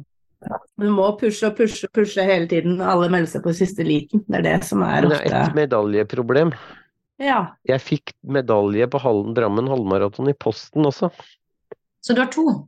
Jeg har to fra Drammen halvmaraton i år. Åh. Men jeg kaster jo ikke medaljer. sendte de til alle? Ikke Jeg bare til til de som ikke fikk? Aner ikke. Men de er jo forskjellige. De er jo ikke like engang. Det er litt sånn spennende. Ja. Men jeg kaster den jo ikke, men jeg hengte den opp. Men uh, den uh, ekstramedaljen der er jo ikke pen engang, så uh, den henger jo der. ja. Det, Den er ganske stor og tung, da. Så det, men det er jo, det er jo står rammen halvmaraton på den, men det er jo ikke Ja. din øh, originale medaljen. Er jo sånn instans av sånne mennesker som løper. Mm. Men, men det er det jo ikke på den som jeg fikk i posten. Jeg syns han ligna litt på fjorårets, som ikke jeg tar feil. Som er på en måte bare kopiert Ja, da var jo ikke jeg med, så da. Nei, ikke jeg heller. Jeg bare så det på Instagram. Altfor glad i alt som alle andre driver med. Men jeg henger dem opp. Men jeg har jo, jeg leier jo bare leilighet, altså. Jeg har ikke lyst til å bore av hundrevis av hull, så jeg har tatt ei fjøl. Mhm. Skrudd disse hengerne på, så henger de i en kjetting i en skru i taket. Så den øh, ja. henger langs veggen der. Det var jo ganske lurt, Det var en faktisk. bra løsning. Men uh, neste år så må jeg ha en planke til, da. Sikkert. Ja. For nå er jeg jo snart fullt, uh, hvis jeg skal løpe 20 løp neste år, i hvert fall. Så Fyller Mhm. seg fort opp, ass. Det går men jeg unngår jo ja, men jeg, jeg er jo egentlig ikke med på så mange løp som ikke har medalje lenger. Men jeg er med på noen sånn folkeløpsgreier, da. Der er det der er ikke medalje, men det liker jeg konseptet på. Mm. Ja, ikke sant. Eh, De hadde jo også en eh, innsamlingsaksjon for uh, uh, God jul, lille venn, eh, rett før uh, vintermaratonen i, her i høst. Og da løper jo jeg midt på natta. To timer på Ja. tredemølle for, til inntekt for uh, en god sak, da. Det er klart Det er kjempebra. de driver på med sånne ting, men klart, det var jo ikke jeg vant til, da. Stå opp midt på natta for å løpe to timer på tredemølle. Det, stå opp midt på natta er jo én ting, og løpe to timer midt på, en- på en mølle er heller ikke noe som er for meg. Men eh, Hvor langt ble det? jeg, da løp to timer, så løp jeg 18 km. Ja, nettopp. Ja. Det er ikke dårlig, det Det midt på natta. opplegget sånn at det er flere som løper på mølle i løpet Det av var seks Oi. møller parallelt, og så løper de 24, alle møllene går i 24 timer.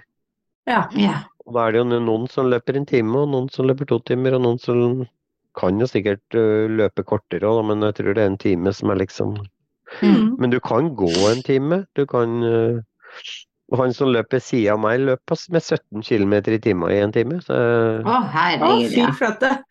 Jeg har aldri vært oppi det på noen sekunder engang. Og da var jeg, jeg hadde, han kom jo da inn når jeg hadde løpt en time, da, ikke sant? og så startet han jo mølla mens han varma opp, så løp han 15-16 km i timen. Herregud. Og så skrudde han bare opp sånn eh, fra 15 til 16, og 16 til 16,5, 16,5, 17, 17,5. Mm. Så, og da blir jo jeg Jeg blir jo imponert. Det er jo rått, men eh, jeg kommer jo aldri dit. Det skal du aldri si. Du har hatt en heftig progresjon allerede. Ja, nå driver jeg og kjører Når jeg kjører intervall nå, så prøver jeg å komme meg godt ned på, langt ned på firetallet. Mm. Nettopp, ikke sant. Men hvis Mm. jeg skal klare Nå har jeg tenkt Målet mitt da er jo at jeg skal komme under 5 km på bare 20 minutter. Da må jeg ned på firetallet. Mm. Skal jeg Mm. under 50 minutter på mila, så må jeg jo i hvert fall løpe fem minutter på kilometeren. eh, Og gjerne litt fortere, da, hvis jeg skal rekke det. Mm.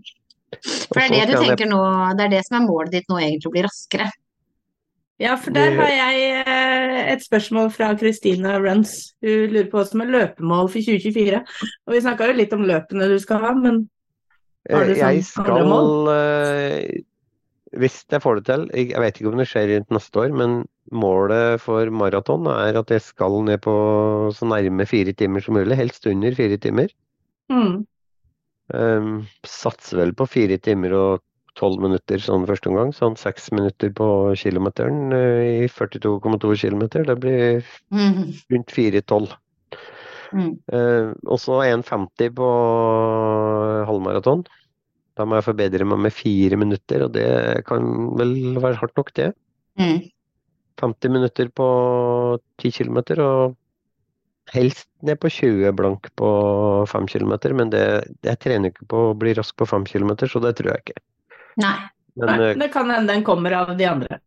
ja, jeg satt, versten min på 10 km har jeg jo satt under halvmaraton. Ja, ikke sant. Mm.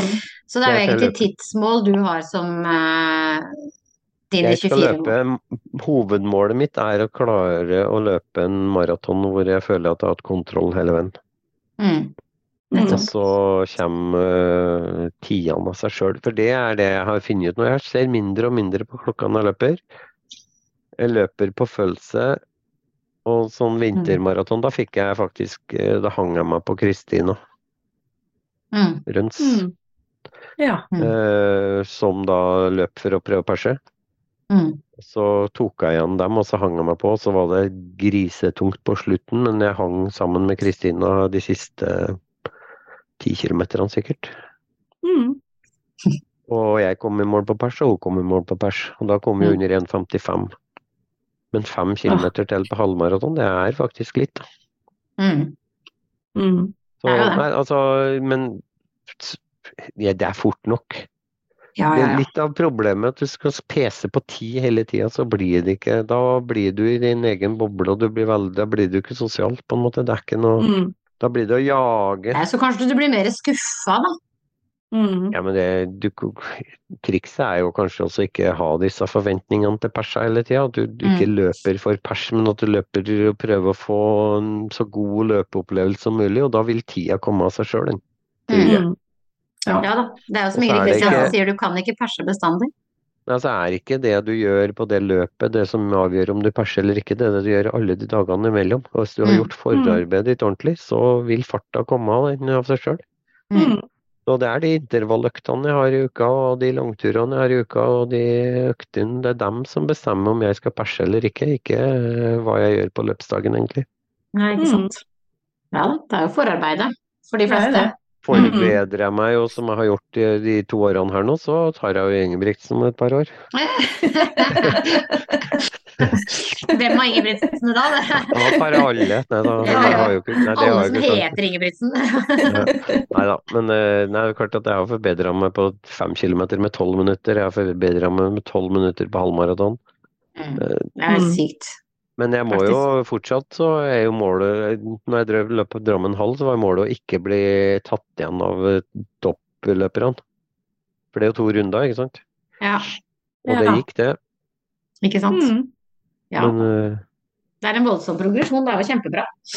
Mm. men nå får jeg jo ikke lov å oppleve Jeg vet ikke hvordan nå, Jeg har meldt meg på Oslo Maraton i 2024, men jeg vet ikke hvordan løypa blir ennå. Kanskje Nei, Jeg mistenker jeg slipper sikkert ikke unna den der Sankthanshaugen, men Ja, Ja, vi får se. kan Det er, det er vel mye greier i Oslo. Mye bygging og mye stengte bakke, gater neste år. Ja, finner alltid en bakke. det er Jeg jo liker jo bakker, jeg, da. Men Ja. jeg er jo ikke, så- jeg er ikke nødvendigvis at jeg må Jeg bor jo der jeg bor, så har jeg jo eh, siste en og en halv kilometerne hjem. Eh, På alle løpeturer så har jeg da ca. 10% stigning. Ja, nettopp. Mm. Det er ganske bra. Det, er, eh, det blir litt bratt. Og så er jeg jeg er dårlig til å løpe nedoverbakke, så jeg løper jo saktere nedover enn jeg løper flatt. Ikke sant. Så Ja, bedre for knærne òg, det. Ta det med ro i nedoverbakkene. ja, men det er sikkert lurt å løpe fortere, litt fortere i nedoverbakke, så jeg trener på det. Ja, Og tørre å Mm. slippe seg fremover og bare gunne på. Men man kan trene på det meste. Jepp. Yes. Selv eller på nedoverbakker. Ok, har vi noe mer da, Tone? Jeg tror Jeg syns vi har hatt en fin samtale. Ja, har du noe å legge til, Joare? Nei, ikke annet enn at uh, hvis du, disse som lurer på om de sitter i sofaen og lurer på om de skulle ha vært ute, så er det største delen av løpeoppdraget er jo å komme seg ut. Mm. Ja, ikke sant? Kom Eh, seg ut, kom gjort, seg, kom seg den første kilometeren hjemmefra og bare få begynne å gå. Start med å gå en tur, bare kom seg ut. Det er ikke Mm. en vits å sitte i sofaen og tenke ja, jeg skulle ha gjort det. det Mm. Gjør det. Det er trikset. Kom seg ut og få det verste som kan skje, er at du blir andpusten og litt svett. Mm. Mm. Men jeg har faktisk ett spørsmål til. Mhm. eh, hva er det som gjør at du er så glad i Baktroppen podkast?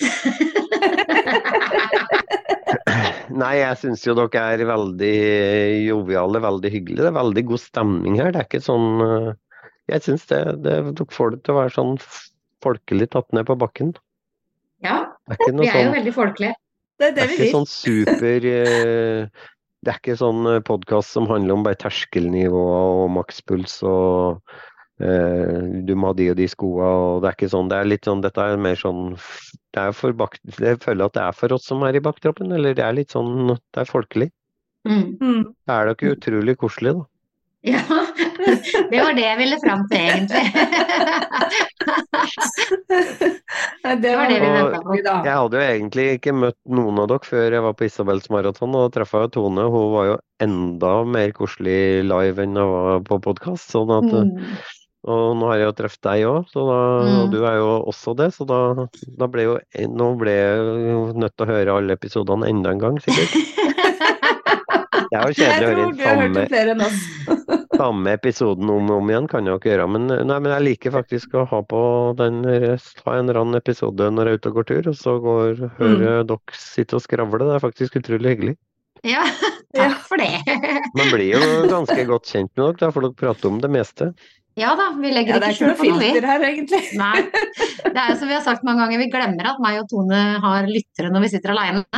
Ja. Det er som å sitte og prate i telefon. Mm. Mm. Mm. Bare at det går uh, ut for Ja, alle. fortsatt, fortsett med det, dere, så tror jeg det. Jeg tror det er en god oppskrift, faktisk. For det Ja. Det er planen. Å, så bra. Det Ja. skal vi fortsette med. Vi skal ikke Ja. slutte med podden i hvert fall. Selv om vi nå går ned til eh, annenhver uke da, på episodene. Men uh, vi slutter ikke. Men da ses vi jo på lørdag, folkens. Det er ikke mange dagene unna. Mm. Så takk for praten. Joare. Yes. Det var hyggelig. Det var veldig hyggelig at du ville være med. Ja. Ja, jeg syns det er en ære. Ja. Ja, så bra. Og takk for i dag, alle sammen. Takk for i dag. Yes, ha det. Ha det.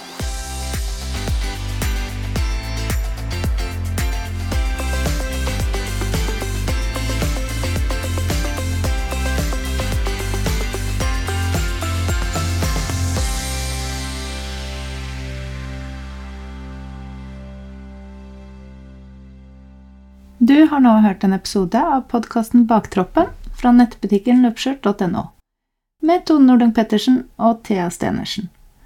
Podkasten er redigert av Ailin Marking Nordang. Hos Løpskjørt finner du et stort utvalgt treningstøy og praktisk tilbehør til deg som løper. Nettbutikken finner du på www.løpeskjørt.no.